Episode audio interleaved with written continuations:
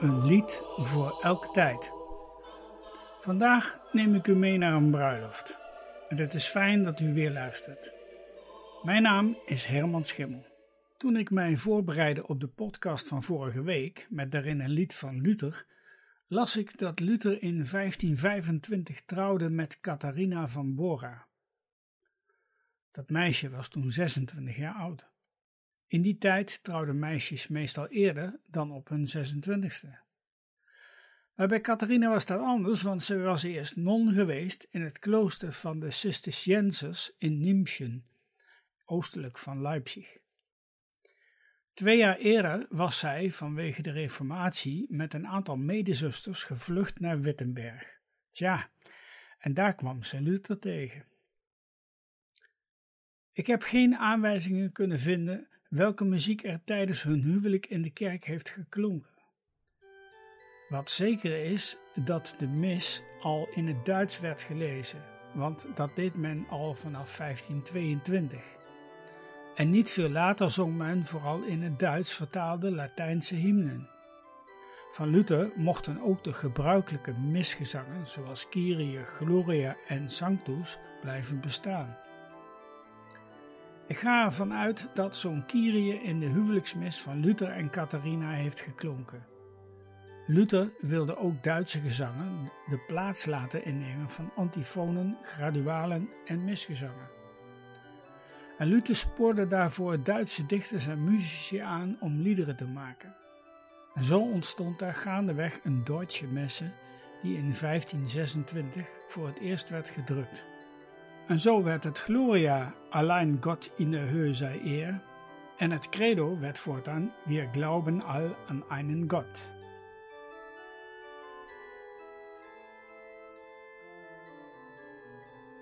Laten we eens gaan luisteren naar een compositie van Johann Walter. Walter wordt ook wel de Urkantor der Deutschen Evangelische Kirche genoemd, een titel die hij na zijn dood ontving. Daar is overigens in ons huidige liedboek weinig van te merken, want er zijn slechts twee liederen van hem opgenomen. Walter was de muzikale raadgever van Luther. Zo hielp hij de reformator bij het samenstellen van zijn Duitse messen in 1526. En het zou dus zomaar kunnen dat in de huwelijksviering van Luther met Catharina van Bora deze muziek van Walter heeft geklonken. Wir glauben all an einen Gott.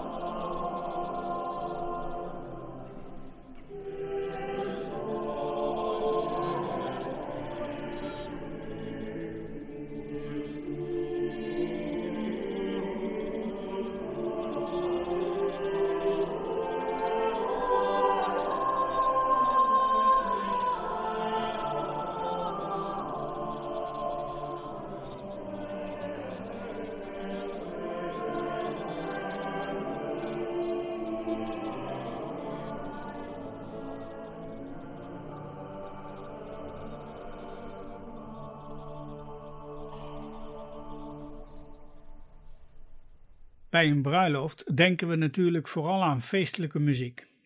De ontwikkeling van Duitse kerkmuziek ging na Luther natuurlijk gewoon verder. En zo'n 200 jaar later komen we dan bij Bach.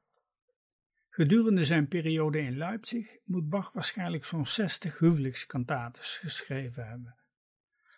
De kantate BWV 195, Dem Gerechten muss das Licht immer wieder aufgehen, is er één van. Het is niet helemaal zeker wanneer hij die maakte, maar waarschijnlijk in de periode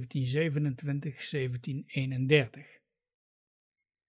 Eduard van Hengel schrijft op zijn informatieve website dat zoiets alleen was voorbehouden aan welgestelden. En je moest daar minimaal acht talen voor betalen. Dat was in die tijd een heel hoog bedrag. In diezelfde tijd kennen wij in de Nederlanden ook de daalder. De opdracht voor die huwelijkskantaten was zeer waarschijnlijk van een adellijke familie. Die konden dat betalen.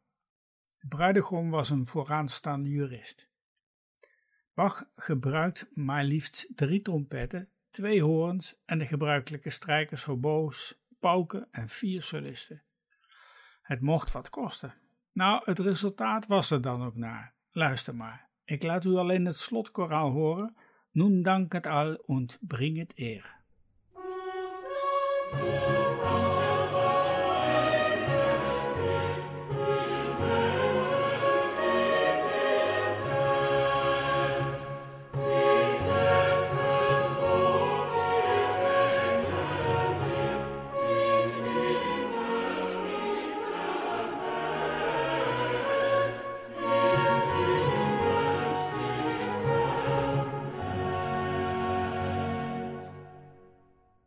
Volgende week gaan we naar Italië en vertel ik u iets over het ontstaan van een Italiaans danslied dat wij in onze kerk ook nog graag zingen. Tot dan.